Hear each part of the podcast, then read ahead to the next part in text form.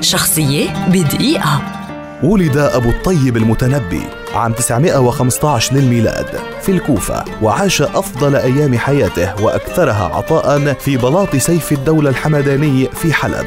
وكان من أعظم شعراء العربية وأكثرهم تمكنا من اللغة العربية وأعلمهم بقواعدها ومفرداتها. وله مكانة سامية لم تتح مثلها لغيره من شعراء العربية. فيوصف بأنه نادرة زمانه وأعجوبة عصره وظل شعره إلى اليوم مصدر إلهام ووحي للشعراء والأدباء وهو شاعر حكيم وتدور معظم قصائده حول مدح الملوك. نظم المتنبي أول أشعاره حين كان عمره تسع سنوات فقط واشتهر بحدة الذكاء ونبوغ الموهبة وكان صاحب كبرياء وشجاعة وطموح ومحبا للمغامرات وكان في شعره يعتز بعروبته. ويفتخر بنفسه وهو صاحب الأمثال السائرة والحكم البالغة والمعاني المبتكرة. ترك أبو الطيب تراثا عظيما من الشعر يضم 326 قصيدة. تمثل حقبات من سيرة حياته. صور فيها الحياة في القرن الرابع الهجري أوضح تصوير. قتل المتنبي